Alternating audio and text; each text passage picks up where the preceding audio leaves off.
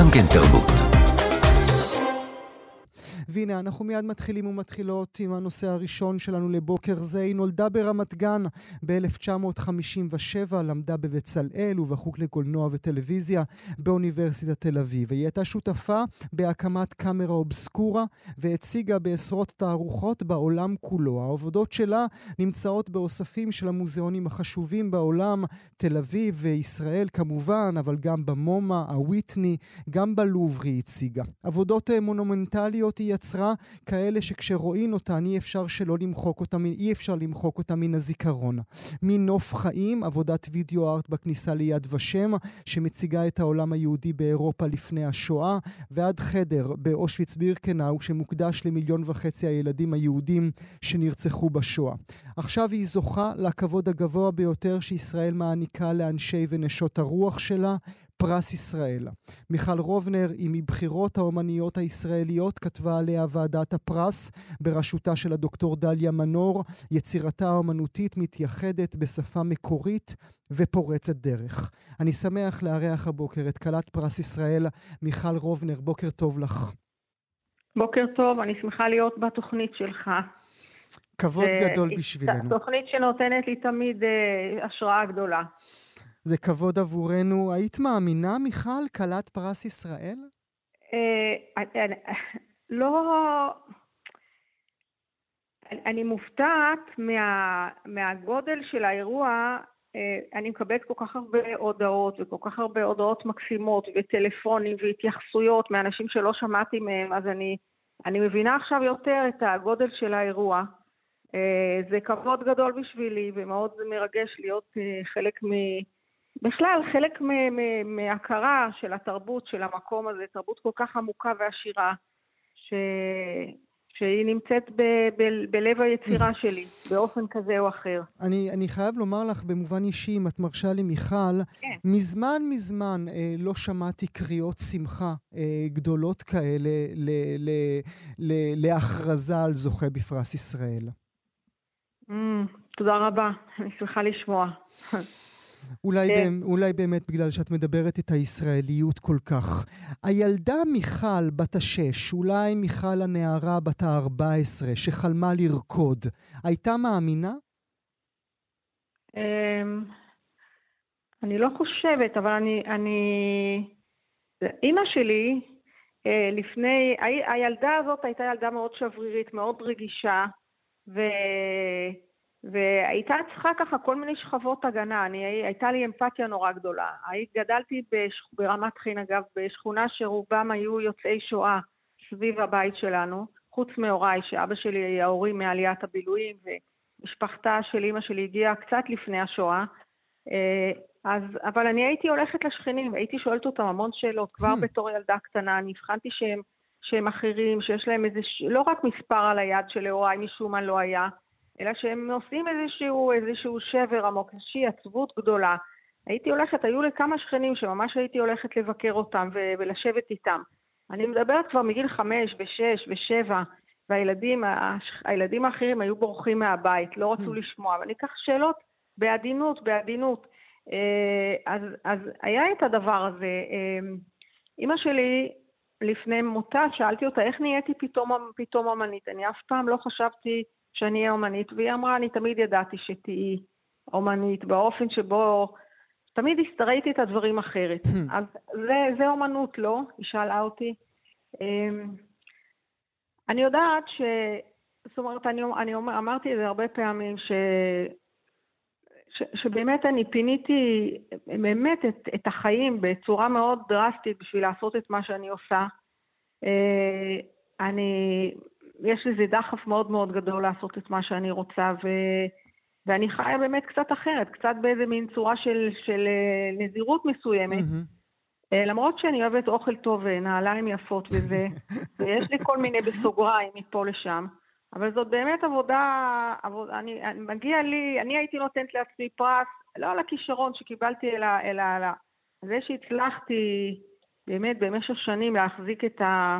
את עמל קשה, זה עבודה קשה, זה כל הזמן לעמוד מול שאלות קשות ומול אתגרים גדולים, באמת, כמו נושאים של השואה, ו, וכמו לעשות עבודה לאתר הנצחה של חללי אה, צה"ל, אתה יודע, זה כזה שאלות קשות, גם, גם, גם לבוא ללובר, זה מה, מה אני יכולה להביא מפה mm-hmm. למקום הזה שנושא את עקבות התרבות המערבית, איך אני יכולה להביא חלקיקים של התרבות שלנו ואת נקודת הזמן הזאת לתוך הנקודת זמן יותר רחבה, את הרגע הזה של, של רצון לשלם ומצד שני שבר, אני מדברת על האינתיפאדה אה, שהייתה אז, אז, אה, אז כל פעם זה, זה כל הזמן שאלות והתמודדויות קשות.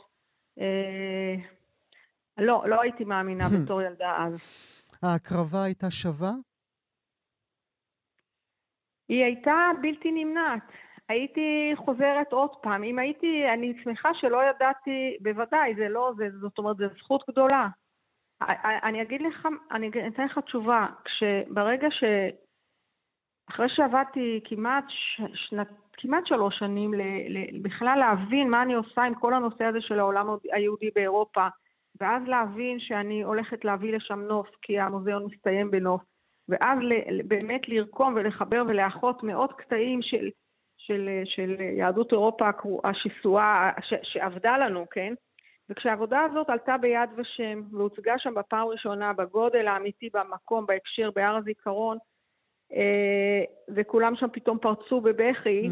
אז אני אמרתי לעצמי שאם אני צונחת ומתה ברגע הזה, הצלחת שלי מלאה. Hmm. אז אה, זאת התשובה שלי לך. אני מאוד שמחה שלא צנחתי ולא מתתי, ושהצלחת המלאה יכולה להתמלא עוד, ושאני מקווה ש... אני מאוד רוצה לעשות עוד דברים שהם באמת uh, משמעותיים, mm. ש... שיגעו לאנשים, ושבאמת יזכירו לנו שאנחנו, בסוף אנחנו בני אנוש עם כל השונות ועם כל, ה... ועם כל הדעות והדעות המשונות, השונות והמנוגדות. ואנחנו מדברים על זה ברגע של שבר כל כך גדול כן. ב... אנחנו נדבר עליו בעוד רגע. ברג... אה. ברגע עצמו, מי ימחא לך כף? מי יהיה איתך בבנייני האומה? אולי אתה. Hmm. מי יהיה איתי? יש לי משפחה, אחות ו... ואחיינים, ויש לי חברים, וזהו, ויש אנשים שתומכים בעבודה שלי שנים ומתעניינים בעבודה שלי, ובטח יהיו שכנים מהמושב כמה. ההורים חוו את ההצלחה שלך? כבר הפכת? מי? ההורים שלך. ההורים שלי, אה, לצ... ההורים שלי היו ביד ושם, הם היו כשקיבלתי דוקטורט כבוד באוניברסיטה העברית. אה, הם כן, הם חוו את ההצלחה שלי. אני זוכרת שהתערוכה הראשונה שהייתה לי בארץ, היה באלנה רובינשטיין, נסענו שם, ואבא שלי אומר לי, אמר לי, תמיד אמרו שאת הבת של רובנר, ומעכשיו יגידו לי שאני האבא של רובנר. Hmm. והוא מאוד התרגש, הוא אסף כל כתבה, וכל פעם שהיו כתבות בעיתון, הוא היה, הוא היה הולך איתם עם דמעות בעיניים. אה, הוא היה מאוד... אה, טוב, הוא היה גם ציוני גדול, הוא היה ממש אוהב ישראל גדול. ו- ואוהב אומנות גדול. אז כן, הם שניהם חוו את זה. תגידי אבל מש... לצערי הרב, אה, את התערוכה בלובר, אתה יודע, כל פעם יש איזה משהו כזה. Mm-hmm. היה חסר לי אתמול שלא... אז הלכתי באמת, הלכתי ל... זה בדיוק היה יום הולדת של אימא שלי, שהיא הייתה באמת, היא באמת הייתה אמנית אמיתית לדעתי. היא כתבה בלילות, כתבה כל מיני דברים, וציירה, אבל היא, היא עשתה את זה לעצמה. Mm-hmm. אבל הלכתי אליה ולאבא שלי ושמתי פרחים על, ה, על הקבר, ואמרתי היית להם שוב תודה. אתמול. היית בקבר אתמול. כן, אמרתי להם שוב תודה על זה שהם היו כאלה הורים ש... שאני ממש רואה שאני, שאני הולכת ב... בשביל שלהם. שהם, שהם, שהם, אתה יודע, שהם התוו לי. Mm. ומה עם הנוער? באנושיות של אימא שלי, באהבה שלהם, בזה שהם אימצו את כל הילדים של השואה, שהיו להם הורים קשים, שהיו באמת טרודים ועצובים. הבית היה תמיד בית כזה פתוח, גם לחיות מאוד, זה היה בית עם המון המון אהבה. ומה הם ענו לך אתמול בקבר, מהקבר? אה, מה הם ענו לי? חיפשתי את הדמעות של אבא שלי שיגיעו מהעננים, זה, אבא שלי ישר היה דומע.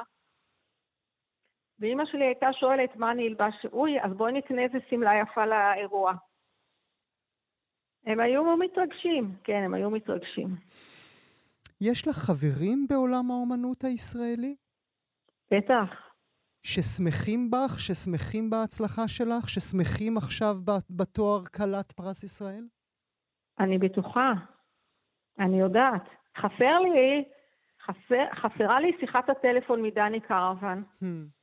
אבל קיבלתי, קיבלתי את ההודעות של, של אה, חווה, האישה המופלאה שלו, ושל הבת שלה, שלו, אה, זה דני.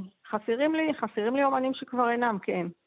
אבל בוודאי יש, יש אה, אומנים ישראלים שאני מאוד אוהבת ושאני יודעת שהם מאוד בעדי ואיתי, ואני גם בעד אומנים אחרים. את לא מת... טיבי גבע, שהצגתי איתו, ודורצ'י שהצגתי אותו איתו השנה, ועופר ללוש, כן, הרבה אומנים. את לא מתה על ההגדרה של האומנית הישראלית המצליחה ביותר בעולם, לא, נכון? לא, לא, באמת, זה לא איזה, זה לא איזה צניעות, ולא איזה מין... אה, היה, היה, היו לי שנים ש, שכן הרגשתי את הקינה, עכשיו אני כבר, כבר השארתי את הדבר, את ההרגשה הזאת מאחוריי, אבל, אה, אבל אני, אני באמת אה, חושבת שזה, שאני לא יצאתי למשואות הצלחה, וגם העניין עם הפרס, אני לא עושה את העבודה שלי בשביל פרס, זה מאוד נעים הפרס, אבל, אבל קשה, איך אתה מודד באמת הצלחה באומנות? חוץ מזה, נכון שאני הגעתי להציג במוזיאונים חשובים, אבל אני חושבת שכל מיני, כל יצירה שנוגעת ושנוגעת ל... לאנשים, שמעוררת, אה, לא יודעת, שאלות, שנותנת להם איזושהי השראה להסתכל על הדברים מנקודת מבט אחרת. אני חושבת שזאת הצלחה, הצלחה של עבודה שהיא נוגעת. לפעמים הצליל האחד של איזה כנר, הקו האחד של איזה ציור, וזה גם דברים שהם נמדדים בסוף ב... אני לא, אני לא אוהבת, אני, אני באמת לא חושבת שאני האומנית הישראלית הכי מצליחה, באמת שלא. בגלל שהצגתי בלובר, אולי במדדים האלה, אבל זה איזה מדדים שלא המדדים שחשובים לי. למה את עושה את האומנות שלך? מה את מבקשת להזכיר לנו, מיכל?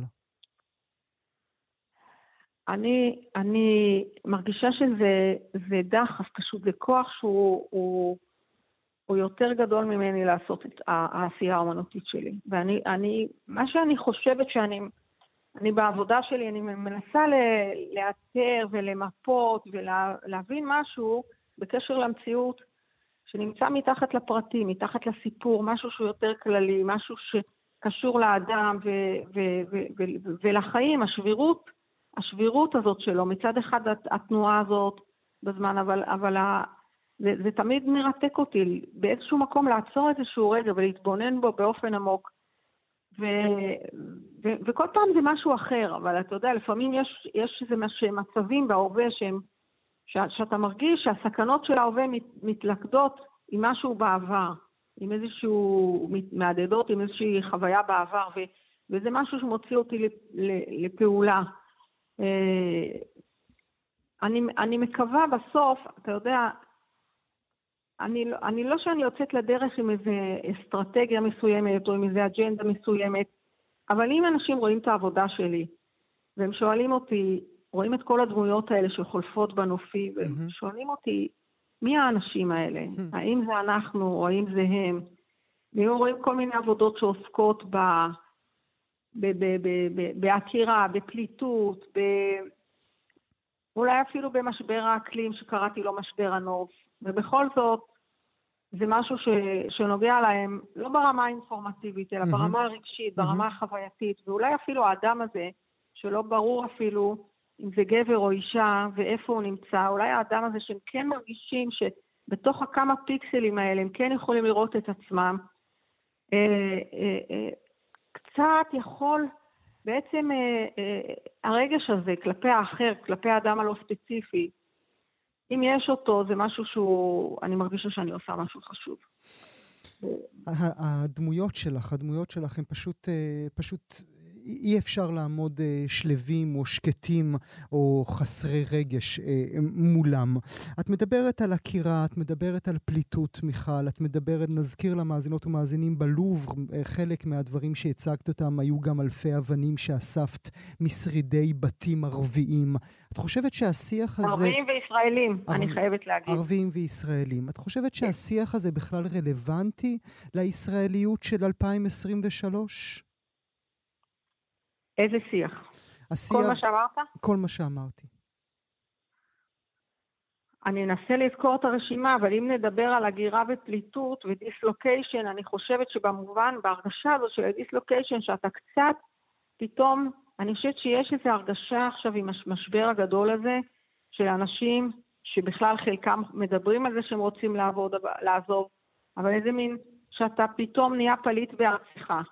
שאתה, אתה, אתה, המקום שלך, אתה פתאום מרגיש שהקרקע מתחתיו היא קצת רועדת, שאתה חרד ל, ל, לרצף, להמשכיות, לתנאים שהם תנאים שבו אתה, שבהם בחרת להקים את הבית שלך, ו... אז זה, נגיד אם, אם מדובר על העניין הזה. אם מדובר על התחושה הזאת של השבירות, של, של הקיום שלה, באמת איזו הרגשה כזאת שיש, אני חושבת גם בעבודות, מצד אחד רצף, מצד אחד ארעיות. אנחנו גרים בשכונה כל כך מסוכנת, בתקופה שהעולם כל כך מדורדר מהמון, אה, מהמון סיבות, ויש כזאת יציבות, לא, לא, כזאת יציבות גדולה. אז כן, אני חושבת שגם במובן הזה, אה, זה רלוונטי. בוודאי השאלות של משבר האקלים ומשבר אבל מישהו, ה... אבל מישהו רוצה לשמוע, זה מה שאני שואל. האם מישהו רוצה לשמוע את השיח הזה של פליטות בארצך ושל פליטות בכלל ושל משבר אקלים? אה, שומעים. אז אמרת עכשיו שאני מצליחה, נכון? ושאני mm-hmm. מציגה בכל המקומות. Mm-hmm. אז... אה, אז כנראה שכל המקומות שאני מציגה בהם, או מתעניינת, או שנותנים פרס, אז, אז יש להם כן עניין. אני, השאלות הקיומיות הן תמיד מעסיקות אותנו, הן תמיד חשובות. אני, אני, אני לא כל כך אפילו מבינה את השאלה שלך אפילו. התחושה שאנחנו מתקיימים היום אה, בישראל 2023, את יודעת מה, אה, אה, אזכיר ברשותך דברים ששוחחנו בשבוע שעבר כאן בתוכנית עם הפרופסור כן. יהואש הירשברג, הוא זכה בפרס ישראל למוסיקולוגיה, כן. וכששאלתי אותו אם יש לו שאלות, אני, דרך אגב, אני לא בטוח בכלל שזו הייתה שאלה הוגנת. היא גם לא תהיה הוגנת כלפייך. שאלתי אותו אם הוא בכלל שוקל לוותר על הפרס. אז הוא אמר לי, 50 שנים אני עובד, 50 שנים אני חוקר, 50 שנים אני עושה את העבודה שלי, אז בגלל משהו שאני לא אוהב בחוץ, אני לא אקבל את הפרס? זה פחות או יותר מה שהוא אמר, ואולי זה מוביל, את, זה, זה, זה הלב של השאלה שאני שואל אותך. האם הישראליות מדברת היום בשפה של מיכל רובנר? יש אה, אני, אני, אני חושבת שזה לא דבר כל כך אה, שאפשר אה, להכליל אותו, והוא כל כך מונוליטי, הישראליות.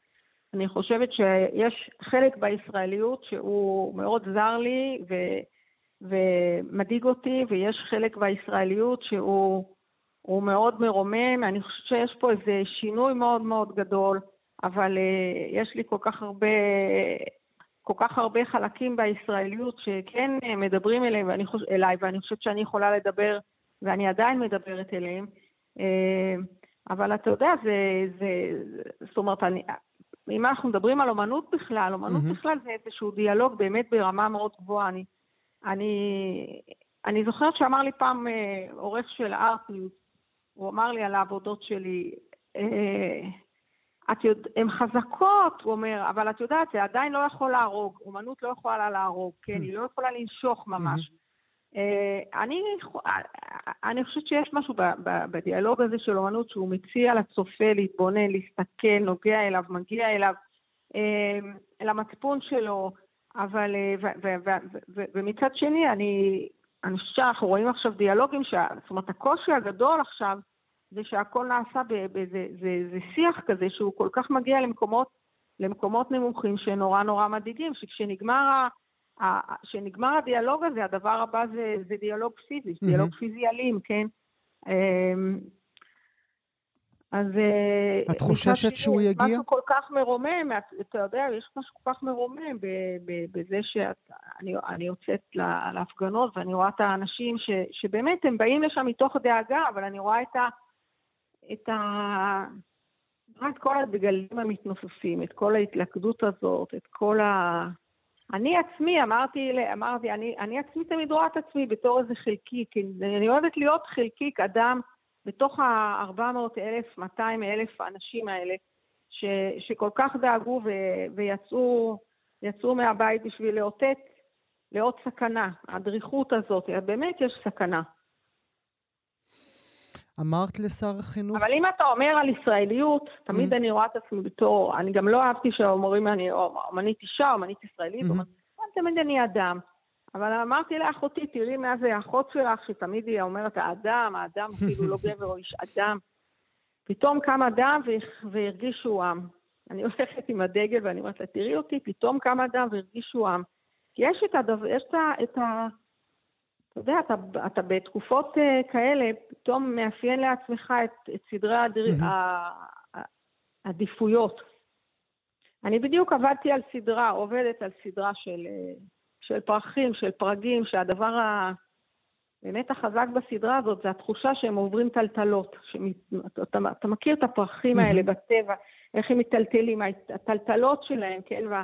הניסיון שלהם, ההישרדות שלהם בטלטלות, הם קצת מזכירים לי דמויות עם הראש האדום mm-hmm. ועם הגוף, הקו הזה וזה, אבל אני, הייתה צריכה להיות לי תערוכה בקוריאה אה, ראשונה, ואני הודעתי לגלריה שאני לא, אני, אני רוצה לדחות את זה, אני לא מסוגלת להתרכז בימים האלה, ממש רק בפרגים. יש איזה רגע שאתה יוצא מה... מהכל אדם, כל מקום, שאלות על זהות, על קיום, אז זה פתאום המציאות הקונקרטית כל כך, אה, כל כך טובעת אה, את, את תשומת הלב. ולשר החינוך שהודיע לך על הזכייה, יצא לך אה, להביע, לומר לו, אני מפגינה נגדך? שר החינוך, אמרתי לו שקשה להיות כלת פרס ישראל ברגע של כזה שבר. אמרתי לו, בוא נראה שנגיע לרגע הזה בשלום. אמ, ואמרתי לו שאני מאוד דואגת לספרייה הלאומית, mm-hmm. ש... שיש איזו תוכנית שתהיה עבודה גדולה שלי שם. גדולה, לא יודעת, עבודה שלי שם. אמ, אני, כן, אני מאוד, אה, אני, אני מקווה, אני מקווה ועוד רוצה להאמין ש... ש, שכל אותם אנשים יחשבו שהם כרגע נמצאים שם בממשלה, יחשבו על זה שיש להם באמת, ניתנה להם הזדמנות גם להשאיר משהו במקום הזה, כמו לכולנו, כמו לי. אני הרבה פעמים חושבת על עצמי שאני הולכת פה בשדה שלי ורואה כל מיני חרסים, ואני יודעת שהם, אני יודעת, נאמר לי שהם מגיעים אפילו עד, עד, עד תקופת המקרא, וככה סתם בין השיחים ובין הפרחים, ואני תמיד אני אומרת, גם אני שכבה ארכיאולוגית, עוד שכבה, ומה אנחנו רוצים להשאיר אחרינו כשכבה ארכיאולוגית, או כשכבה היסטורית, או ברגע היסטורי זה? מה, בסוף, מעבר ללהיות צודק ולבוא, אי אפשר, אי אפשר בסוף להיות צודק בכוח ו... ו- ו- ו- ולשנות את המציאות. אני מאמינה בשינוי, אני, אני אמנית, אני מאמינה בשינוי, אני חושבת שזה, ש- שזה אפשרי, אבל, אבל אולי באמת כאילו הצעה לכל, ה, לכל הנוגעים בדבר, שיש כל כך שאנחנו, אני ממש רואה, אני רואה איזה ויזואלית ממש את ה... את הארץ שלנו קצת מלמעלה, שפשוט הולכת ונקרעת, כמו mm. מארג כזה, אבל אולי שנקרע גם, ו... אולי גם יש משהו יפה אה, בעובדה שגם את וגם הפרופסור יואש הירשברג, ש, ש, שידוע וברור שאתם מפגינים נגד הממשלה ה, ה, ה, ה, הקיימת, אה, ובכל זאת אתם זוכים בפרסים הגבוהים ביותר שהמדינה יכולה לתת. כן, תראה, אני מפגינה, אני מפגינה אני יותר משאני מפגינה נגד הממשלה, אני מפגינה בעד, בעד הארץ, בעד המדינה, בעד הדמוקרטיה, בעד הקול הזה החופשי, בעד כל הדברים האלה שאני מאמינה בהם. כמובן שנגד, אבל אני, אני, אני באמת חושבת שיש פה, אנחנו חייבים, יש פה משבר, יש פה צומת, אבל אנחנו חייבים, חייבים לדאוג שימשיך פה להיות מקום ליברלי עם חופש בחירה, חופש דת, שוויון זכויות, חופש יצירה, וגם, אה, אני חושבת, גם צריך אה, הפגנה, אחרי שנגמור את המשבר הזה, אני חושבת שצריך להיזכר שיש גם אקלים ויש גם זכויות לחי... לטבע ולחיות, שגם עליהם אנחנו לפעמים אה, דורסים אותם. מיכל רובנר, יש סיכוי שלא נראה אותך על הבמה ביום העצמאות? תראה, זו שאלה, אני לא יודעת מה יהיה עד אז. בואו נראה שנגיע ליום העצמאות. Uh, אני, אני, אני מאוד, uh, את, את הפרס הזה שקיבלתי אותו, הוא לא קיבלתי אותו מאיזושהי מפלגה כזאת או אחרת. קיבלתי אותו באמת אה, על שנים רבות שאני עובדת, ושאכפת לי מהמקום הזה, ואני מקווה ש... אני מקווה שמתוך כבוד לוועדה הזאת, ומתוך כבוד לתרבות של הארץ הזאת ולאנשים אחרים שנמצאים בקבוצה הזאת, אני מקווה שנגיע באמת עדיין לרגע ש, ש, שאפשר יהיה ככה לבוא עם, עם, עם שמחה שלמה ולא שמחה חלקית. ועם שמלה יפה, לכבוד אה, אימא כמובן. כלת אה, פרס ישראל, מיכל רובנר, לעונג רב, תודה רבה לך שהיית איתנו הבוקר. גם כן תרבות. אנחנו אה, מיד אה, עוברים אל הנושא הבא שלנו. הוא מיצב עצמו במשך יובל שנות מחקר פוריות כחוקר מוסיקה מוביל בזירה המקומית והבינלאומית, ותרם תרומה משמעותית לחקר היצירה האומנותית המקורית בישראל. הוא קרב לבבות של מאזינים רבים למוסיקה האומנותית והעמיד דורות של חוקרות וחוקרי מוסיקה שעושים חיל בארץ ובעולם.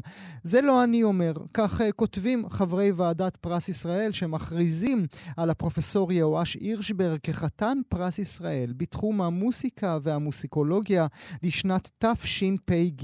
אנחנו נברך אותו עכשיו. הפרופסור יהואש הירשברג, בוקר טוב. בוקר טוב. ברכות, ברכות, ברכות. תודה רבה. כן, זה היה רגע מרגש מאוד, בהחלט. כמה, איפה היית באותו רגע שקיבלת טלפון משר החינוך? הייתי בבית, אני בגילי ברוב הזמן בבית, ואז קיבלתי בהפתעה את השיחה ממנו. מה הוא אמר לך, ואיך הגבת? זו הייתה הפתעה פתאום לשמוע את שר החינוך מתקשר אליי, זה פעם ראשונה קרה. כן, אז הוא אמר לי בקיצור שוועדת הפרס החליטה לבחור בי כחתן פרס ישראל למוזיקולוגיה. וזה בעצם הכל, ושהמנהלה תהיה בקשר איתי לגבי הפרטים, זה הכל. אם אנחנו חוזרים רגע בזמן, קצת יותר מרגע, כמה עשרות שנים, אל 1955, כאשר אתה נכנס אה, ללמוד באקדמיה למוסיקה, היית מאמין? כשנכנסתי אז הכל היה טרי כל כך, מי חשב בכלל על פרס ישראל. גם לא חשבתי על מוזיקולוגיה, למדתי כינור באקדמיה. רק יותר מאוחר אה, חשבתי, ב-1966, כשנסעתי לארצות הברית, לאוניברסיטי פנסילבניה, ללמוד מוזיקולוגיה, אז כבר הייתי ממוקד. אבל, אבל זה הבית בו גדלת, הוא היה בית אה, אה, מוסיקלי, לא אבא שלך, יצחק הירשברג בעצמו היה, היה מוסיקאי. הוא לא היה מוזיקאי מקצועי, זה לא היה התחום שלו, הוא היה בעצם מתמטיקאי ופיזיקאי, ו... אבל הוא היה איש רנסאנס כזה, סוג שלא רואים היום הרבה. כל דקה פנויה הוא שמע מוזיקה, והוא היה אספן, אפשר להגיד, אובססיבי mm. של תקליטים. התחלנו עוד בתקליטי 78, שכל תקליט שהיה נופל היה הולך לאיבוד, ועברנו ללונג פליי, והבית עד היום אצלי מלא בתקליטים שהוא עשה. מה הוא היה אומר לך? אם היה יודע שזכית בפרס? הוא היה מאושר, מה הוא ואימי היו מאושרים עם כל הישג שלי. כשקיבלתי את הדוקטורט זה היה אירוע שהם לא יכלו להירגע מרוב התרגשות. איך בחרת את הכלי שלך? זה הוויולה, נכון? התחלתי בכינור. Mm. בזמן של ניגנתי כינור מאוד עניינה אותי הוויולה. אני גם גיליתי מראש שאני לא אהיה וירטואוז בכינור, לא הייתה לי יכולת הזאת. וויולה מטבעה היא כלי שדורש התעמקות מוזיקלית ופחות ברק וירטואוזי, אני מאוד אהבתי אותה. Mm. והחקר המוסיקה, מתי זה, מתי הבנת ששם הלב שלך? זה היה עוד כשלמדתי באקדמיה, שהוא ראו עליי ביותר. היה תולדות המוזיקה עם הרצל שמואלי המנוח, שהיה מורה מאוד רהוט, ואהבתי לשמוע אותו, ואז הרגשתי שזהו זה. מי הוא המלחין האהוב עליך ביותר, שהשפיע עליך יותר מכולם?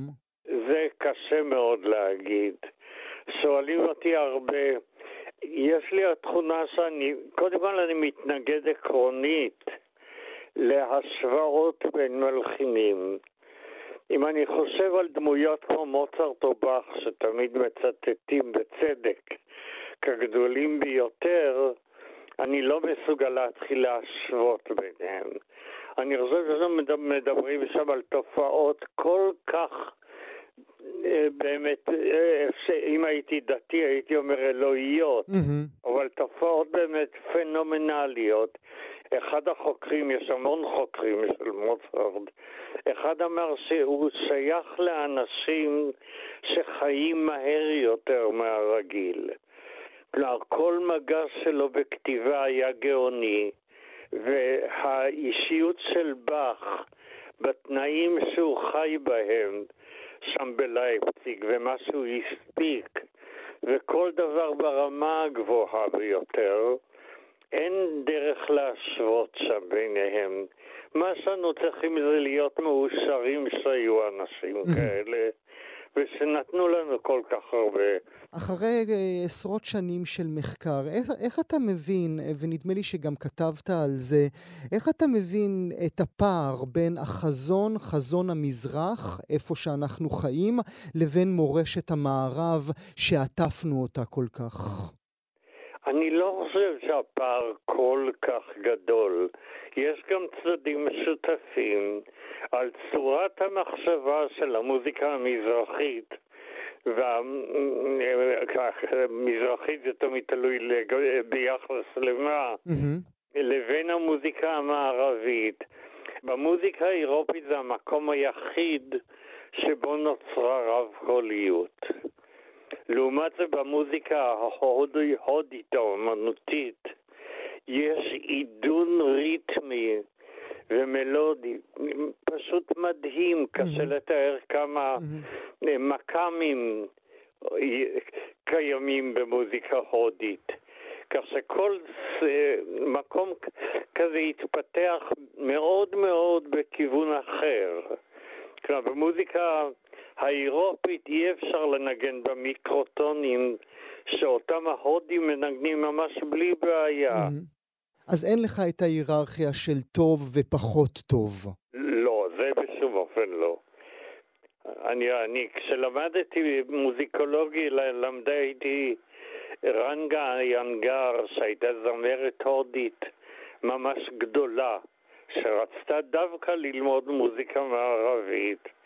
המורה שלה היה אצלנו באוניברסיטי פנסילבניה, והיה לה קושי עצום ללמוד רב קוליות. שני קולות יחד, היא לא הבינה איך זה יכול לקרות. לעומת זה, כשהיא עלתה על הבמה ושרה, היא שרה בסיבוך כזה שאני לא יכולתי לקלוט איך היא בכלל עושה את זה בקלות כזו. כמה, כמה שזה יפה שני הצדדים האלה. מה בעיניך המצב של המוסיקה האומנותית, הקלאסית, כמו שקוראים לזה היום, כשאתה נכנס אל אולמות הקונצרטים, אתה מתבונן סביב ומתעצב שאולי זה אה, בקרוב ייעלם, שכבר אולי לא יהיו לקוחות בקרוב? זה יכול בהחלט לקרות במצב שקורה אצלנו. אבל יחד עם זה אני חושב שזה לא נכון. כי אני בכל זאת, אה, שמענו לה ממש לפני שבועיים את אה, אריודנטה, האופרה הנפלאה של הנדל בביצוע ממש יוצא מן הכלל, כל כך רציני, והאולם היה מלא מפה לפה. Mm-hmm. אז זה לא רע כל כך. מה שקצת מדאיג הוא שרוב הקהל הוא קהל מבוגר. Mm-hmm. לא, אני הייתי מאוד מקווה שיותר צעירים, למרות שיש צעירים, אז שיבואו יותר צעירים גם למה שקוראים מוזיקה קלאסית. אין לי שום דבר נגד המוזיקה הפופולרית. אני חושב שיש שם דברים נהדרים. אני מאוד מעריץ את הביטלס, אני חושב שהם היו אמנים ממש גדולים, ולא צריך גם שם להשוות בין סוגי מוזיקה. אבל אני חושב שכשאנשים מתבגרים הם מגיעים למוזיקה קלאסית. נוסף על כך, כל כך קל להגיע היום למוזיקה קלאסית. אם נחשוב שבמאה ה-19 אדם היה יכול לגדול בעיר קטנה ולא לשמוע תזמורת בחייו. פשוט לא היה. הוא לא ידע מה זה, תקליטים לא היו. הוא היה יכול לנגן בפסנתר את הסימפוניה של בייטהובן. זה המקסימום שהוא יכול היה. אבל, אתה, אבל, אתה, אבל אתה מסתכל מסביב, הפרופסור הירשברג, ואתה לא מרגיש נטע זר בארצך? לא, בארץ, כאן בארץ יש רמה גבוהה מאוד של מוזיקה קלאסית. גם מבצעים, יוצאים מהכלל, מבצעים צעירים נפלאים. יש כאן הרכבים, אני חושב כמה רביעיות הרביעייה הירושלמית, רביעיית כרמל, רביעיות ברמה בינלאומית גבוהה אפילו. כל קונצרט שלהם הוא חוויה. הפרויקט הקאמרי הישראלי נותן קונצרטים שתמיד מלאים. כך שזה לא נכון, לא צריך לקונן כל הזמן. Mm, לא צריך לקונן כל הזמן. ויש קהל טוב שמאוד נאמן להרכבים mm. האלה ומגיע לשמוע אותם. יש עושר רב, בלי ספק. וה, ו- והפוליטיקה, פרופסור הירשברג, נכנסת לחדר העבודה שלך? לא, אתה מסתכל מסביב ואתה או שואל או תוהה עם עצמך אם בכלל להסכים לקבל את פרס ישראל? קודם כל, אני לא, אני, זו לא צורת המחשבה שלי בכלל.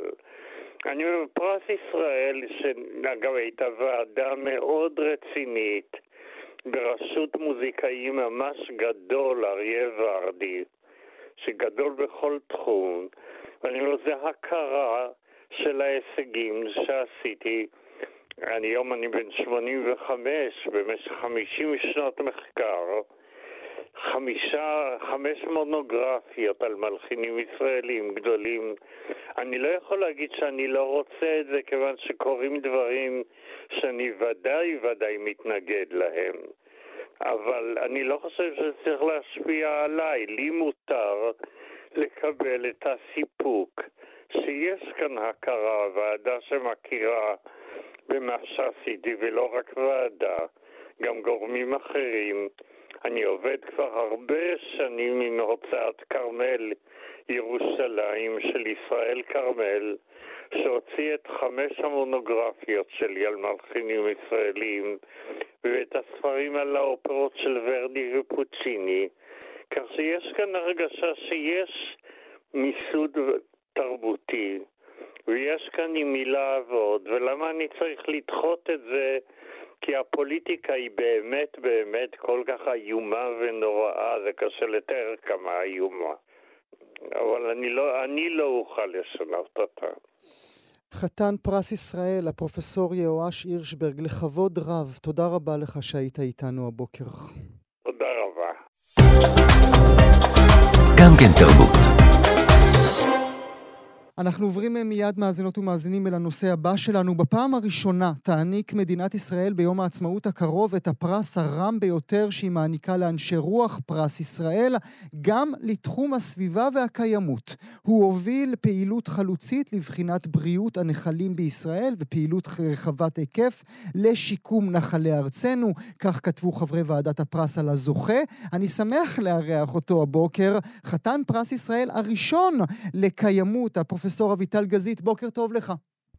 בוקר טוב ומבורך. ברכות, אלפי ברכות. תודה רבה. עד כמה התרגשת? התרגשתי מאוד, משום שאני חייב להודות שאני כלל לא ידעתי שהוגשתי לפרס. ופנו אליי בעבר ואמרו, אנחנו רוצים להגיש אותך, ואני אמרתי, לא, אני לא חושב שאני מתאים. והיה מי שחשב אחרת, והתעקשו, והגישו, והנה זה קרה. ואני מקבל זאת בהכנעה. וגילית מי השובב שעשה את זה? גיליתי מי השובב, אבל כנראה שהם רוצים להישאר, זה יותר משובב אחד, והם כנראה רוצים להישאר בעילום שם, אז אני לא אזכיר אותם כאן. זו שמחה רבה. שתית משהו טוב? אכלת משהו טוב? Uh, אני לא נוהג לשתות, אבל uh, כוס מים זה גם משהו טוב עבורי. אבל uh, אכן הייתה התרגשות רבה. אני חייב לומר שחשבתי בהתחלה שעובדים עליי, כשאמרו לי, שר החינוך רוצה לדבר איתך, הייתי רגע נבוך, ואחר כך שהוא התחיל לשוחח אותי, הוא ברך אותי על קבלת הפרס, כמובן שהבנתי במה המדובר. כי בדרך כלל אה, חתני הפרס יודעים, כי הם, הם מעורבים בהגשה, אז כשפונה להם שר החינוך, הם מבינים במה מדובר. אבל uh, ההתרגשות הייתה מאוד גדולה, גם לי וגם לבני ביתי, ולמדתי שיש עוד הרבה מאוד אנשים שהיה לי איתם קשר בעבר, שגם הם שמחו איתי. אני עוד רגע אשאל אותך, ברשותך, פרופסור אה, גזית, אה, מאיפה הכל התחיל, האהבה שלך לטבע, אבל אני רוצה עוד לפני כן להתחיל. אה, האם בעיניך העובדה שלראשונה מדינת ישראל מגישה פרס גם לתחום הסביבה והקיימות, אומר משהו טוב עלינו? אני חושב שבהחלט כן. אני... זהו תחום שבעצם מלווה אותנו כל חיינו.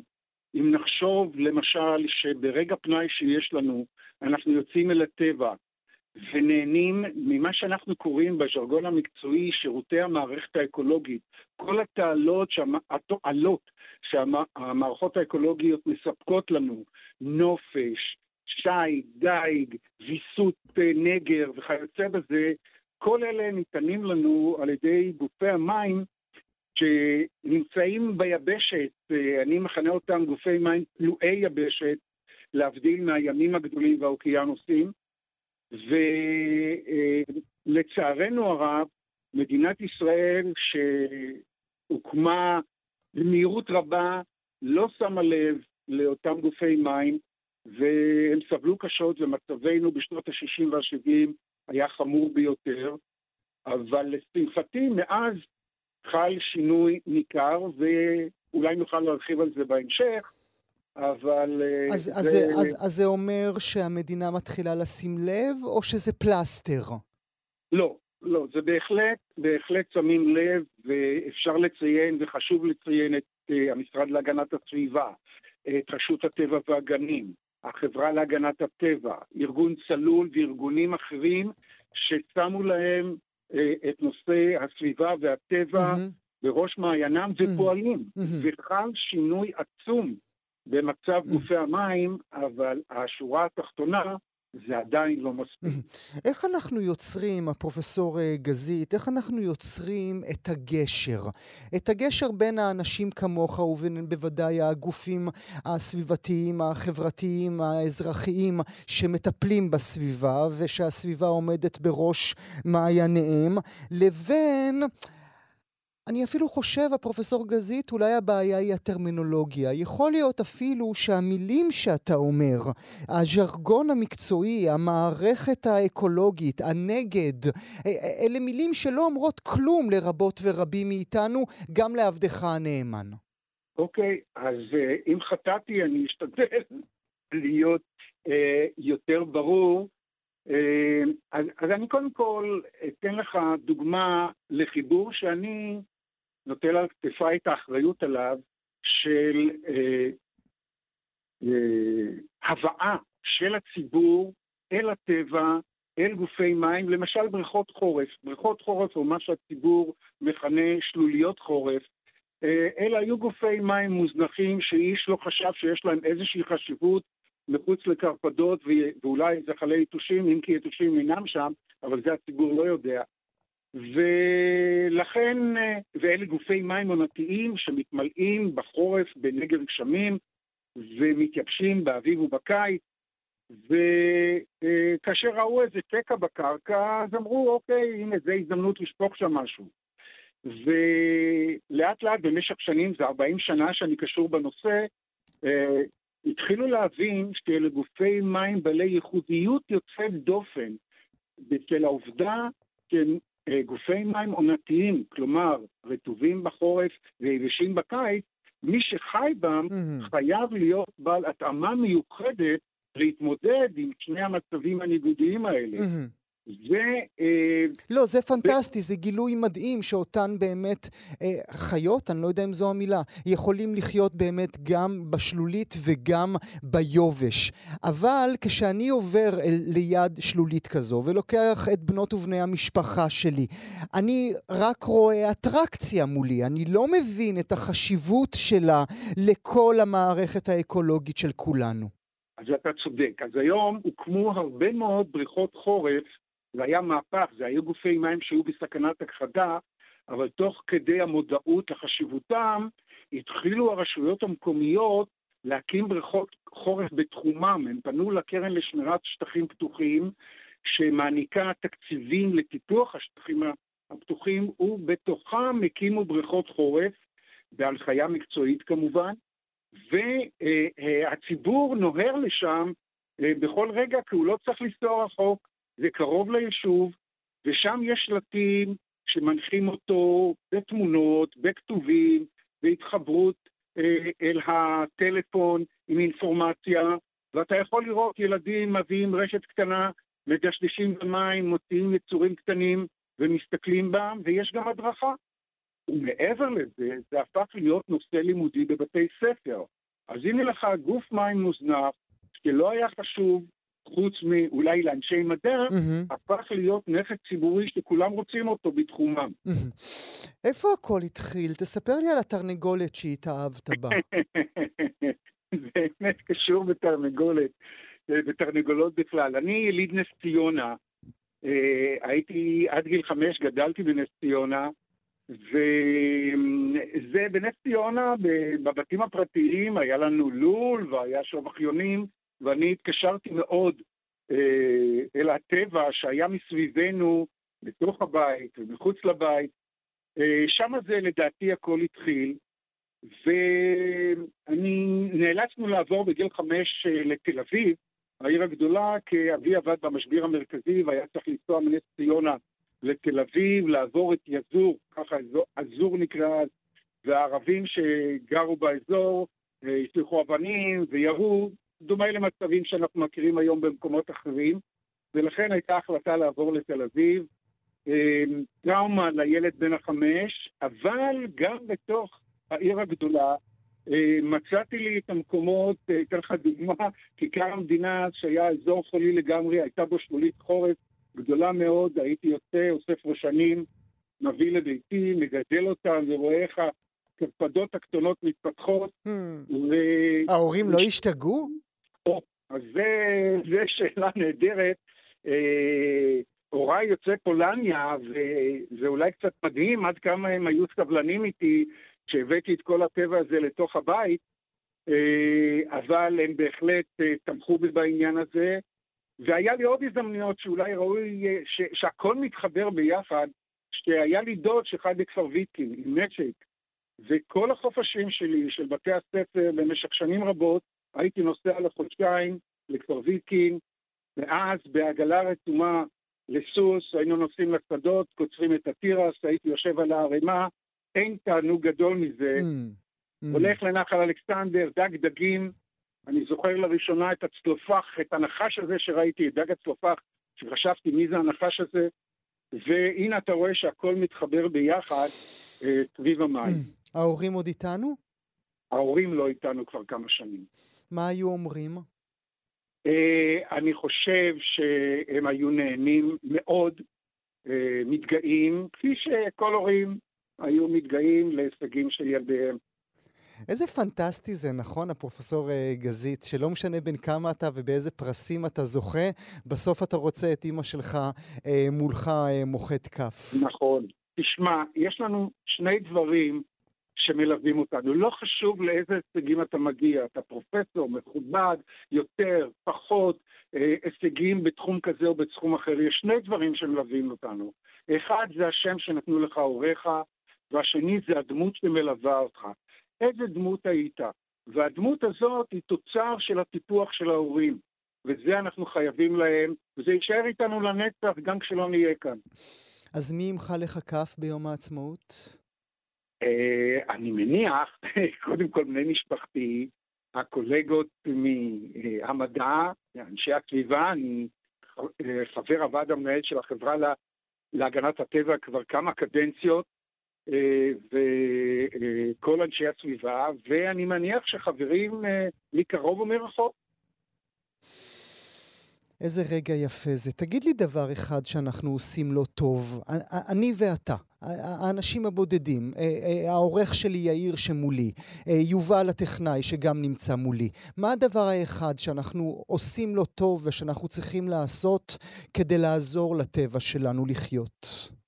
אז תרשה לי רגע לעלות בסקאלה יותר גדולה כדי שנבין איפה אנחנו נמצאים.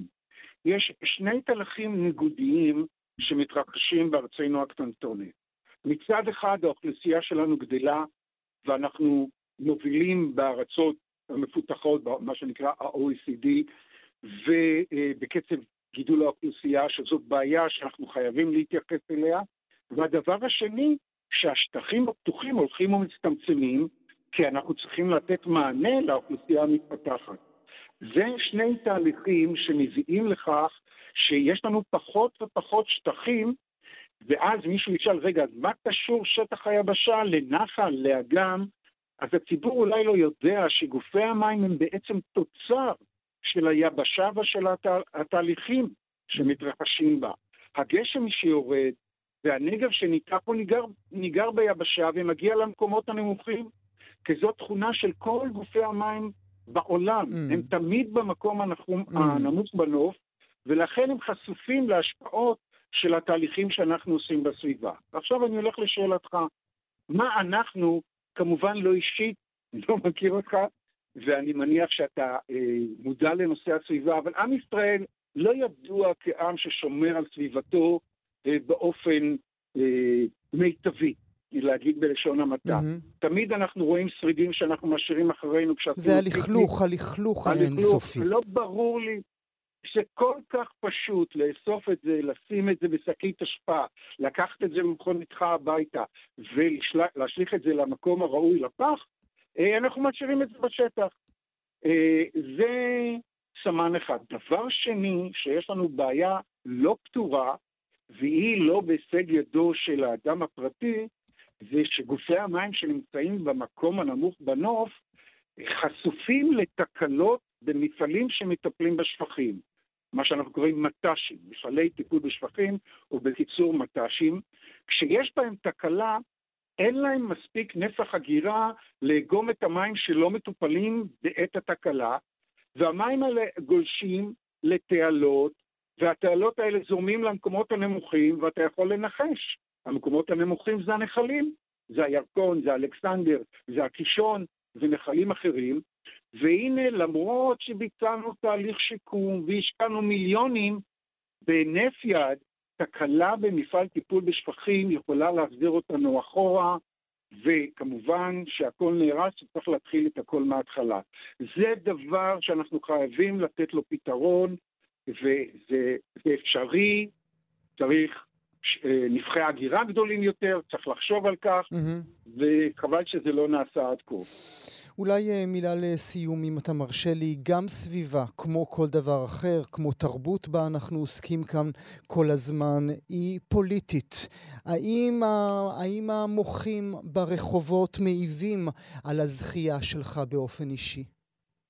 אני לא יודע. אני חושב שהמוחים שקועים עמוק בחרדה ובפחד לשינוי החסר תקדים שאנחנו עומדים בפניו. שיכול שיתרחש, שיכול שלא להתרחש, אבל זה לא סיכון שמדינה כל כך קטנה ומוקפת אויבים שצריכה להתאמץ ולשמור על עצמה, צריכה לקחת על עצמה. זה לא הכרח השינוי המשטרי שאנחנו עומדים בפניו. אז אני לא יכול לומר לך שהמוחים ברגע זה חושבים על הסביבה. הסביבה אצלנו היא לא במקום גבוה, ולא מתוך אי רצון, אלא מתוך זה שאנחנו חייבים להשקיע גם בכספים וגם mm-hmm. במודעות לביטחון, לכלכלה, לחינוך, והסביבה הבאה אחר כך. במדינות אחרות בעולם הסביבה היא במקום בוודאי, ראשון. בוודאי, בוודאי. והדעות האלה אה, אה, העלו אצלך אולי ספק אם בכלל להסכים לקבל את הפרס? תראה, הפרס הוא לא שלי, הוא לא של אביטל גזית. הפרס הוא של החברה הישראלית. אני לא יכול לזלזל בחברה, וברגע שנפתח השער לשמירת הטבע והסביבה, בשער הזה יבואו עוד מומחים וטובים יותר ממני שיקדמו את הסביבה. זה פרס שאני שמח עליו שניתן לשמירת הטבע והסביבה, ולדעתי יקדם את הנושא. חתן פרס ישראל, הפרופסור אביטל גזית, מברוק, תודה רבה לך שהיית איתי הבוקר. תודה רבה לך. גם כן תרבות. והנה אנחנו מתחילים מיד עם הנושא הראשון שלנו לבוקר זה. בתוכנית אתמול סיפרנו לכם על החלטת הנהגת ההורים הארצית להשבית ביום רביעי הקרוב את הלימודים בחטיבות ובתיכונים במחאה על מתווה הבגרויות החדש של שר החינוך הנכנס יואב קיש.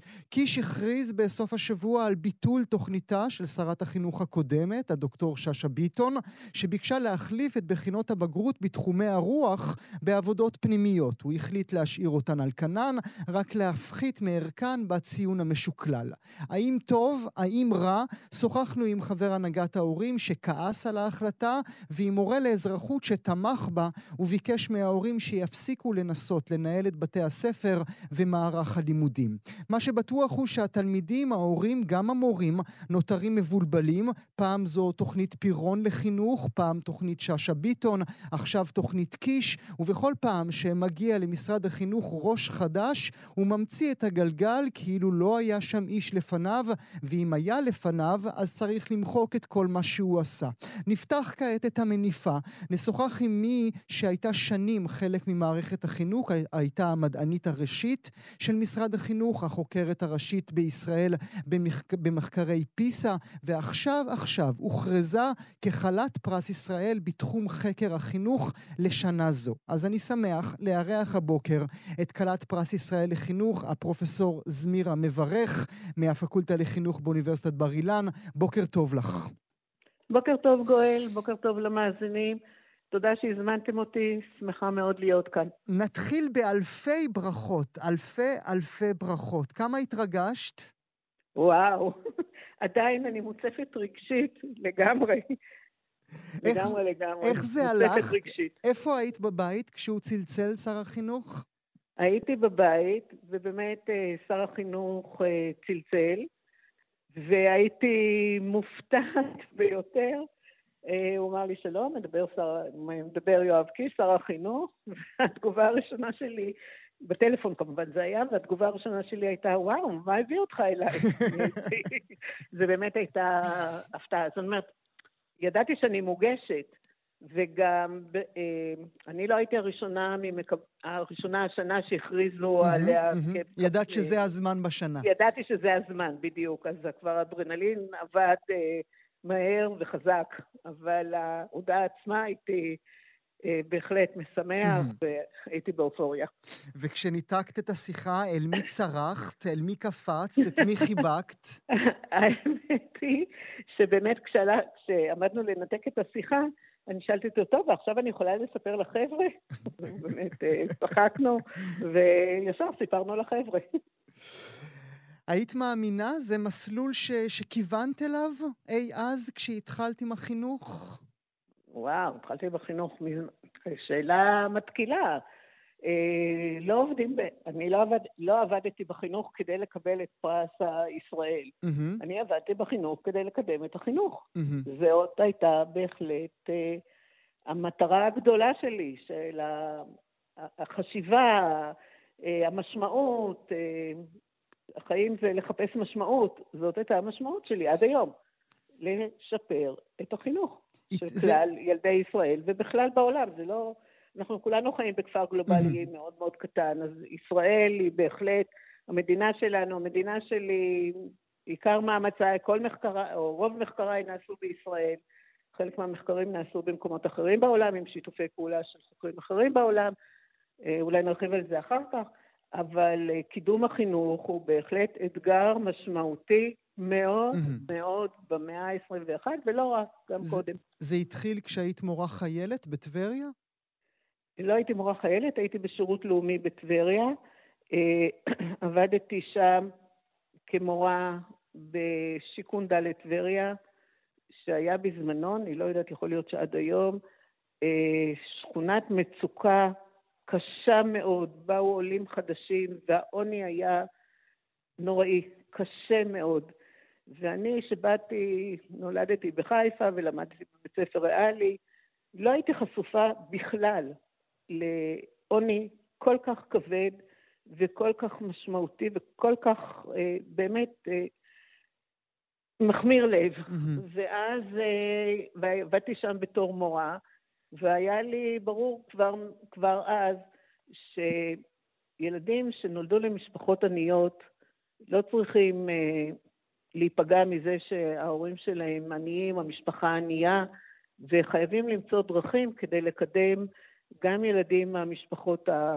ממשפחות mm-hmm. מצוקה, mm-hmm. כמובן גם ילדים ממשפחות שהן לא משפחות מצוקה, לא להשאיר את ילדים ממשפחות מצוקה מאחור. היזהרו אה, בבני עניים שמהם mm-hmm. תצא תורה, אנחנו mm-hmm. צריכים באמת לעזור להם שמהם תצא תורה. Mm-hmm. ו... לא, לא, לא, לחינם, לא לחינם את מצטטת את זה, את, uh, באה, את בת של רב, נכון? את באה מבית נכון. דתי. נכון. זה גם הכניס בך את אותם ערכים? Uh, כנראה שכן, שאלה טובה, לא חשבתי על זה, אני מניחה שכן. אה, גם אני למדתי בבית ספר, למדתי בבית ספר יסודי בממלכתי דתי, אבל בית ספר, אה, אחר כך למדתי בבית ספר הריאלי, מכיתה ט' עד י"ב. שזה מפתיע, איך בית דתי שולח את הילדה שלו ללמוד בבית ספר חילוני ועוד הריאלי? וואו, גואל, שאלה מצוינת. אה, כולנו יודעים שריאלי הוא בית ספר מצטיין, בית ספר מצוין, וההורים שלי שחשבו ש... שתמיד חשבו שחינוך זה הדבר הכי חשוב בעולם, וצריך לתת אה, לילדה את ההזדמנויות הכי טובות כדי שתוכל ללמוד ולקבל השכלה מעולה. Mm-hmm. ולכן הם אה, קיבלו את ההחלטה, שאני מניחה שהייתה להם מאוד קשה. אה, בעצם אני יודעת שהייתה להם מאוד קשה, היה להם, היו לחצים מהסביבה, מרבנים אחרים, איך זה, אתם שולחים את הילדה כולו mm-hmm. כיתה ח', mm-hmm. כיתה ט' התחיל mm-hmm. ללמוד בריאלי. אז uh, משהו 13, 14, בגיל 14, איך אתם שולחים אותה לבית ספר חילוני.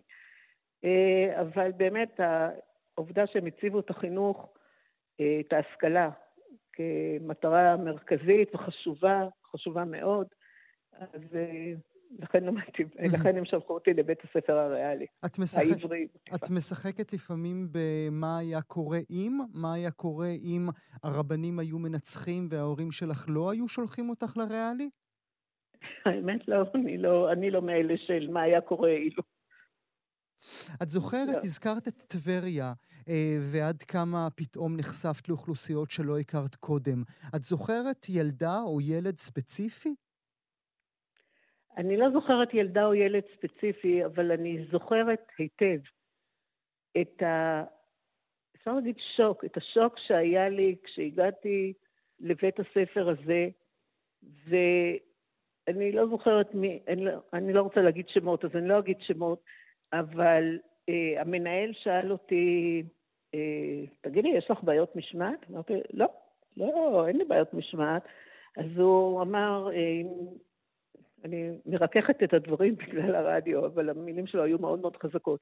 אם לא תחזיקי את הכיתה, אם לא תחזיקי משמעת חזקה מאוד בכיתה, אה, את לא תוכלי ללמד, או אם לא תלכי ביד קשה mm-hmm. עם הילדים, לא תוכלי ללמד.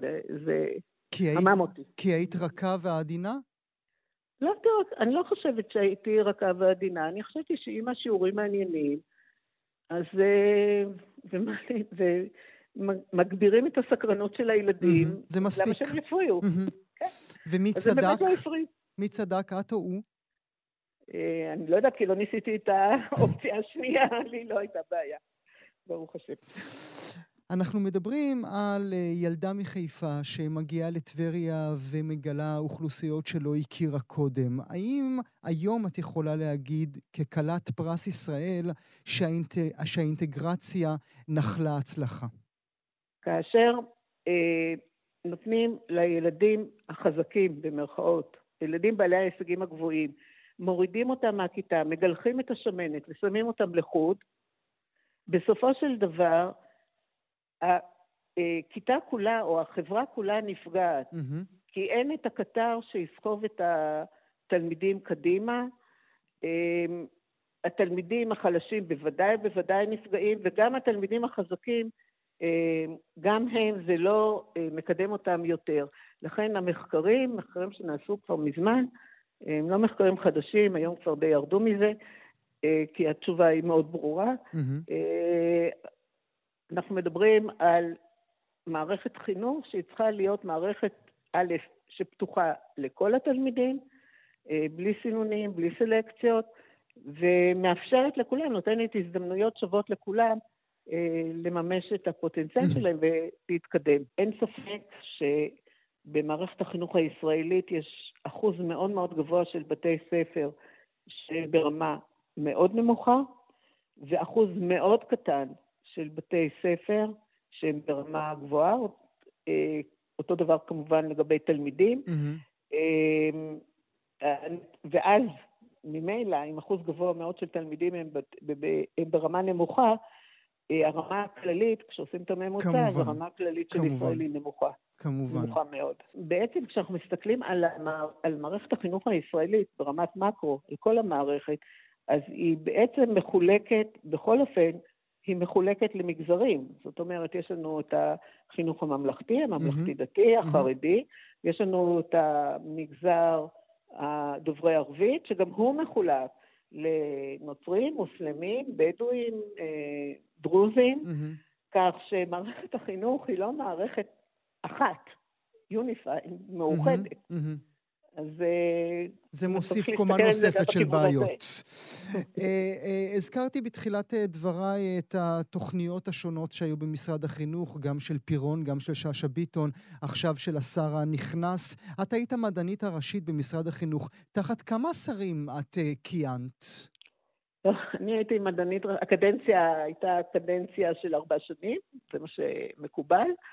ובתוך ארבע שנים הייתי, עבדתי עם חמישה שרי חינוך. חמישה שרי חינוך בארבע שנים. כן, זה נשמע... את זוכרת את השמות שלהם בכלל? בטח, בוודאי, איתם צפות מאוד.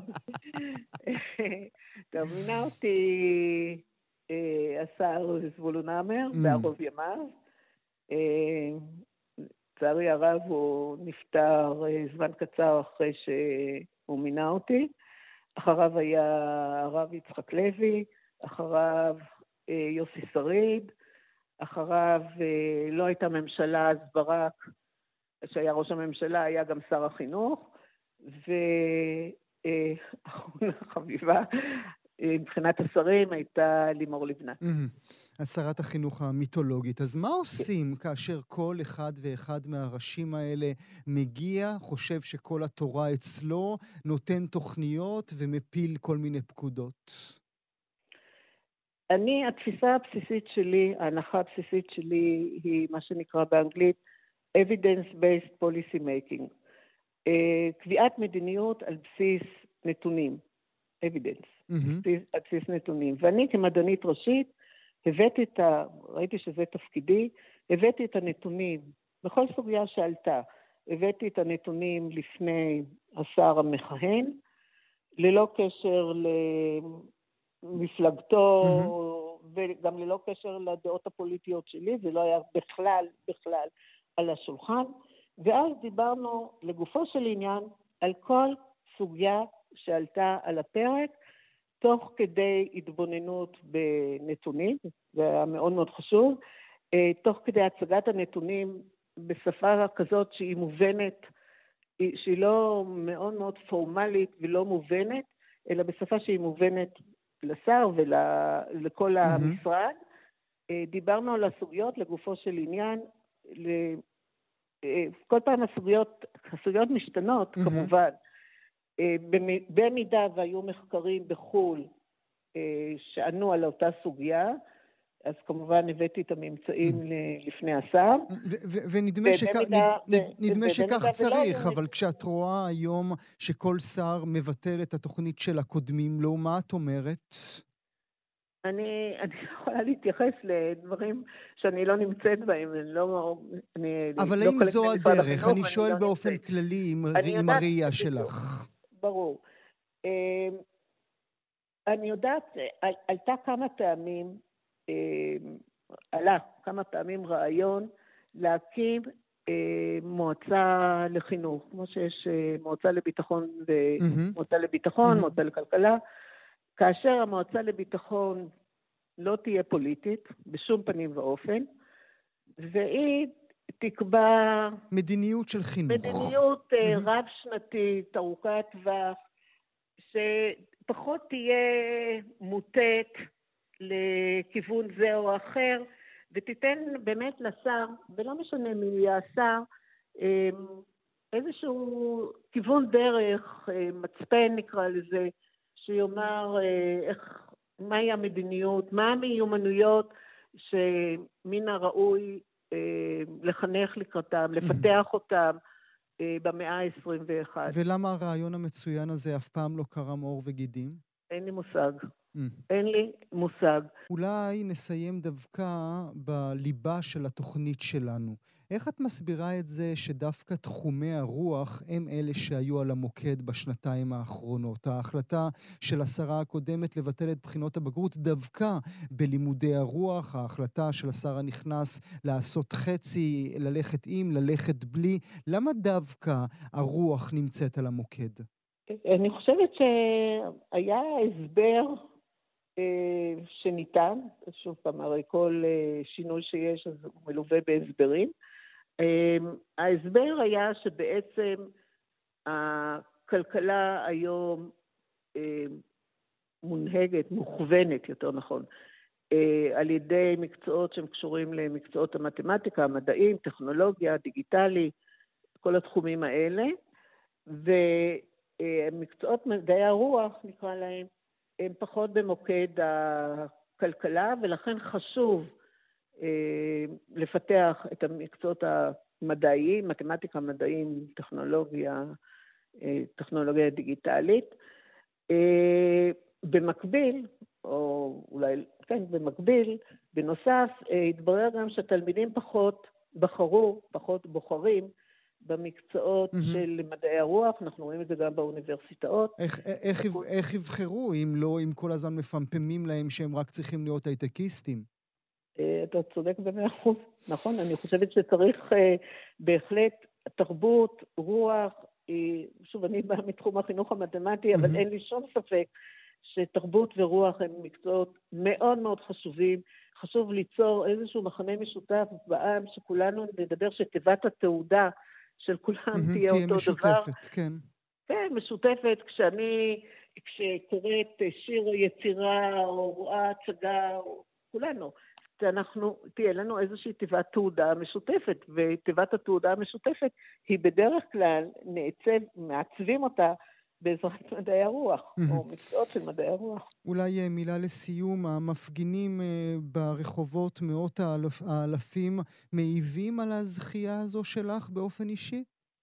אני לא יודעת לגבי המפגינים ברחובות, אני יכולה להגיד לך שאני קיבלתי ברכות, השתתפות בשמחה, מיילים, וואטסאפים, טלפונים, מכל שכבות האוכלוסייה, ממש עם אחד.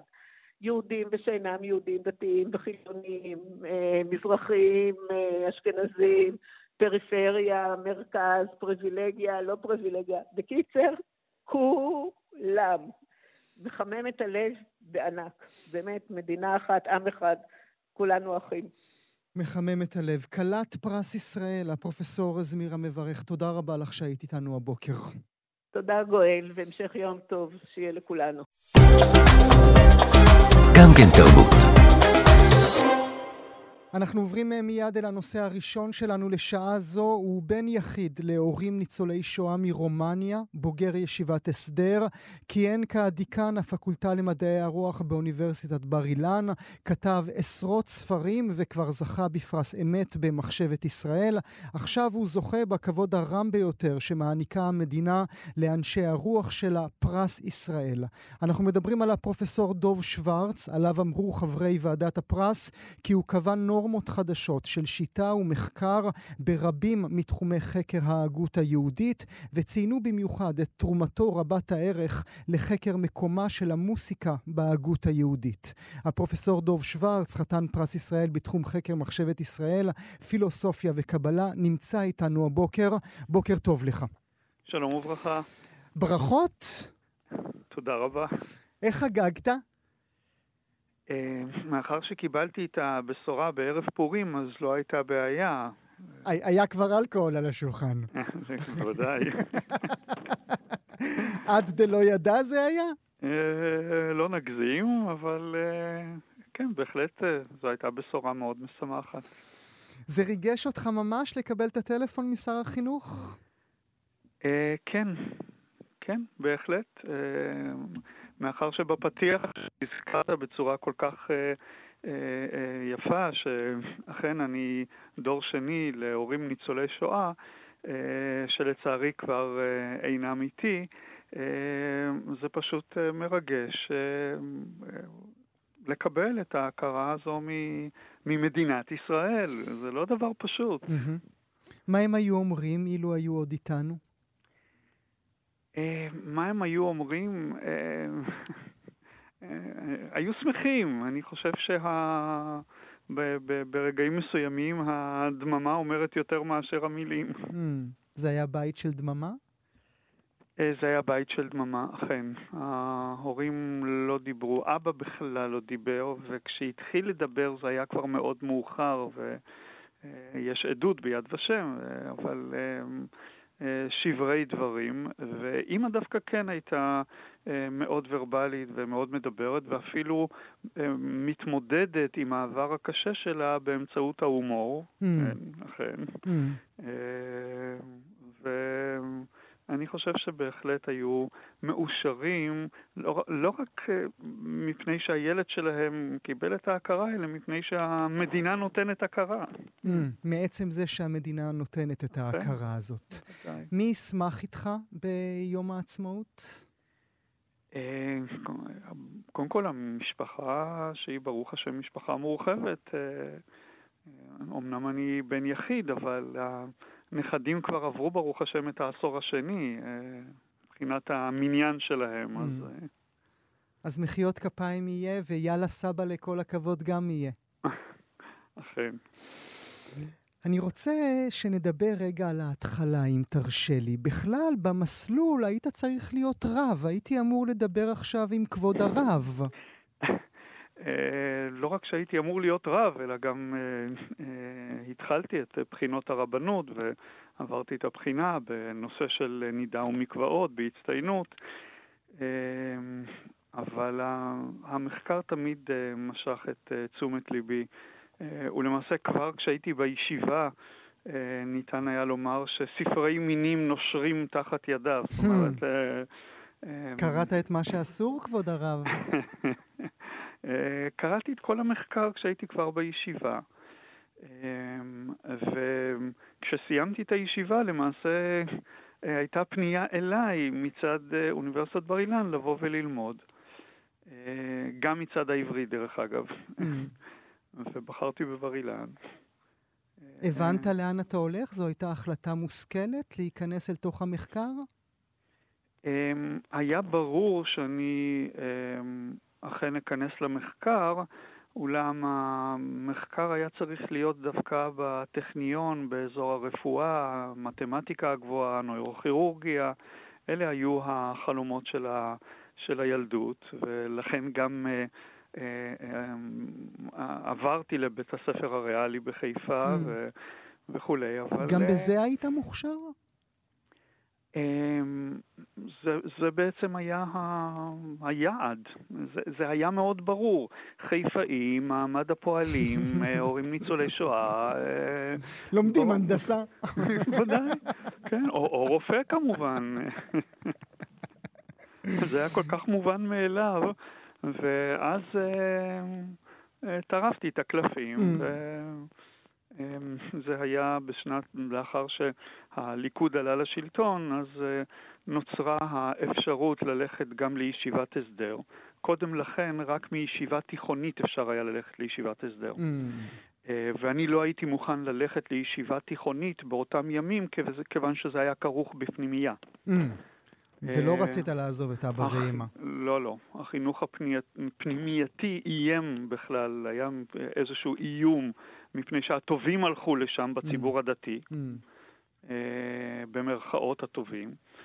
או בלעדיהם, ואני לא הייתי מוכן, וחזרתי לתיכון דתי, וכאמור, לאחר שהחוק השתנה ואפשר היה ללכת להסדר. והחלטתי שאני הולך ל, לישיבה, ואז זה התגלגל כבר. אתה מדבר על החינוך הדתי, אולי גם על הציונות הדתית. זה, זה, זה חלק מרכזי במחקר שלך לאורך, אה, לאורך השנים. חקרת גם את אה, תנועת חב"ד. אתה יודע לומר היום, ב-2013, מה השתנה כל כך? לגבי הציונות הדתית, אה, טוב, כאן כבר... אמ, המשכתי את המתודה הזו של אה, חקר מחשבה קולקטיבית, מחשבה ציבורית, ואכן התחקיתי אחרי חוט השדרה הרעיוני של, של, של התנועה הזו. אה, וכאן אה, למעשה אמ, המחקר הוביל אותי עד אה, ימינו אלה. ואני לא מדבר על פוליטיקה, אלא אני מדבר על הציונות הדתית כתנועה חברתית, אה, אמ, כתנועה יצירתית, אה, כתנועה אה, תיאולוגית וכן הלאה. אי אפשר, אפשר, אפשר לדבר עליה מבלי לדבר אה, אה, כת, עליה כתנועה פוליטית? אפשר להשוות בין בורג האב, אה, אפילו אה, אחרים שהיו יחד איתו בתנועה, לאלה שהיום שולטים בה? זה אותם אנשים? הם מאמינים באותם דברים? אה, לא, ממש לא. אמ, אבל זו תופעה של, של השלושים השנים האחרונות. זו לא תופעה שהתרחשה אה, אה, כיום. Mm-hmm. אה, ולתופעה הזו יש גם ביטויים פוליטיים.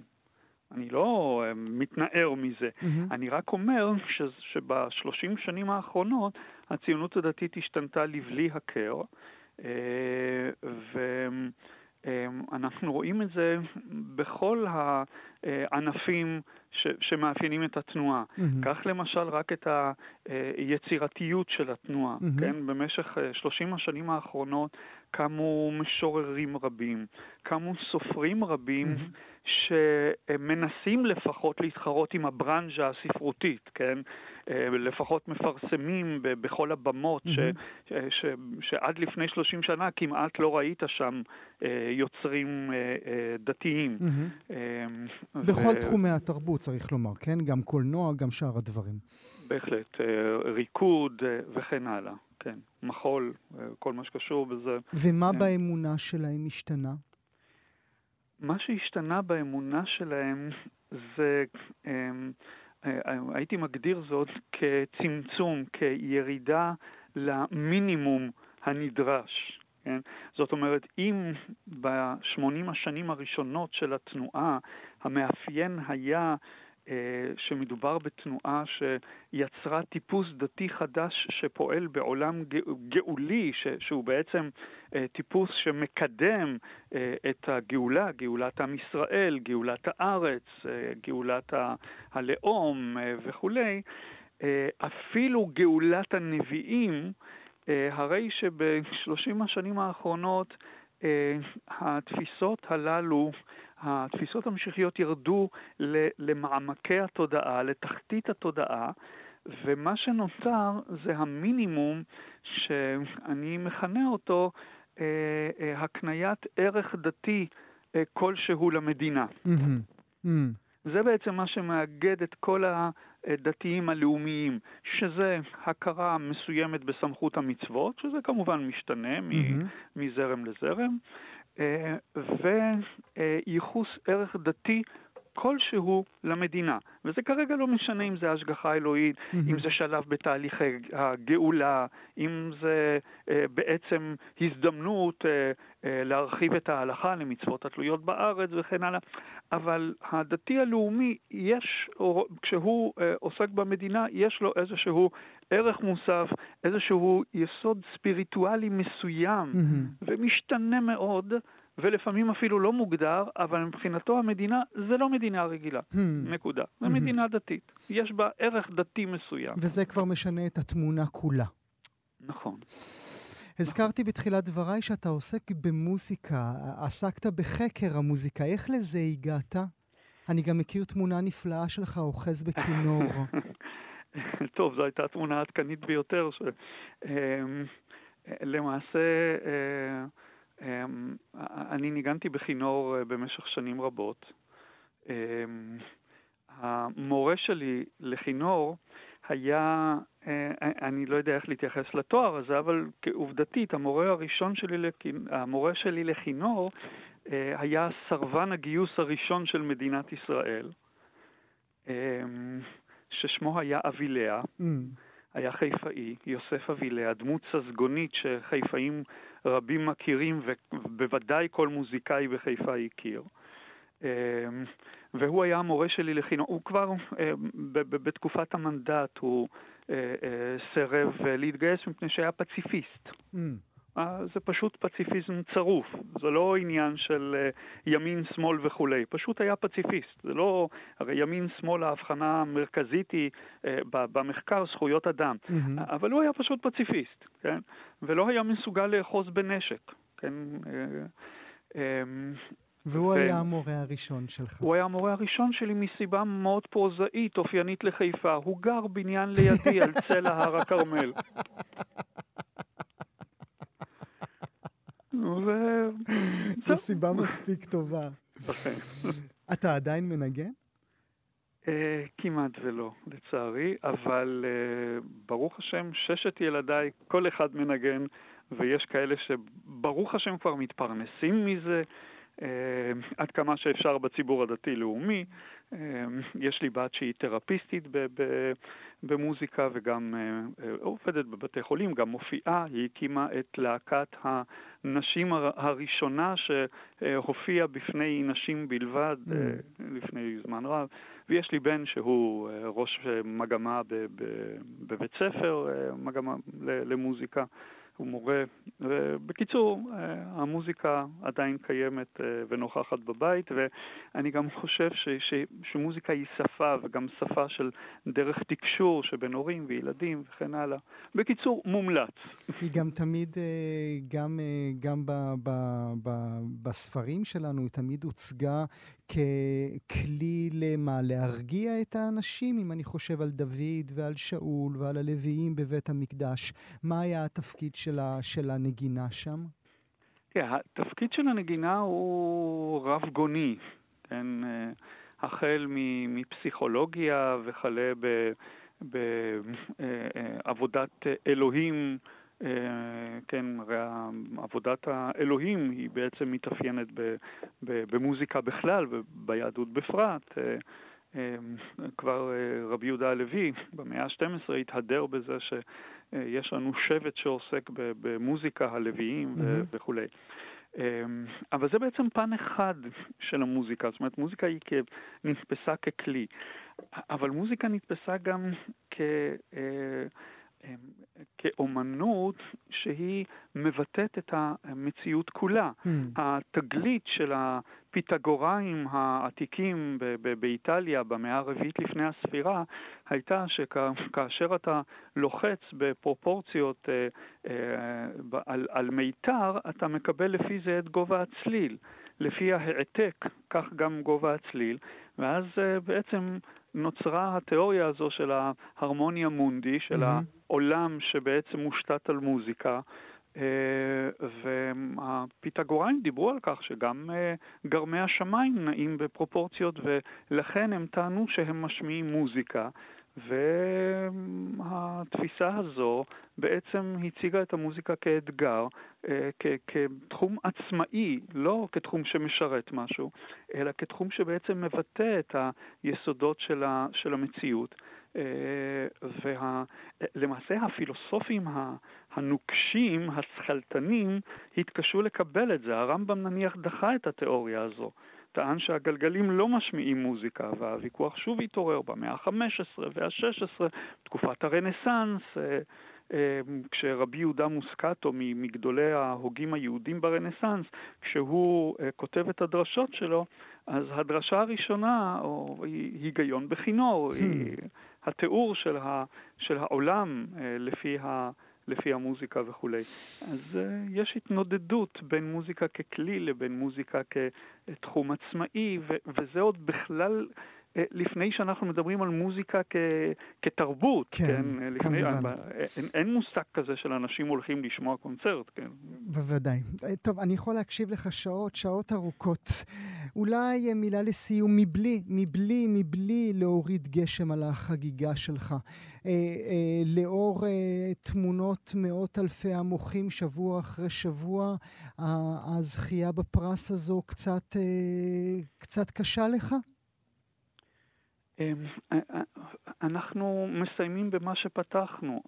אני, חושב על הוריי, אני חושב על, על, על, על יהודים ש, שלא ניתן להם להביע את עצמם, אה, על תקופות כל כך חשוכות. ו, ועכשיו יש מדינה, ש, אה, אה, מדינה ש, שמחלק, ש, ש, שנותנת הוקרה, שמחלקת פרסים. ו, אז, אז אני מסתכל על הצד הזה. לגבי החיים, החיים אף פעם לא היו פשוטים פה. אני מזכיר שבסך הכל מי שעבר את אה, שנות המדינה, אה, החיים פה הם חיים די סבוכים, והאתגרים פה הם רבים, ואני חושב ש... אה, איך הרב סולובייצ'יק היה אולי מגיב, כתבתי עליו כמה ספרים, היה אומר, הדיאלקטיקה זה יסוד מובנה בתוך אדם בכלל ובתוך יהודי בפרט. לזכרם של הוריך. אנחנו שמחים uh, בשמחתך. הפרופסור דוב שוורץ, חתן פרס ישראל, תודה שהיית איתי הבוקר. תודה רבה, גואל.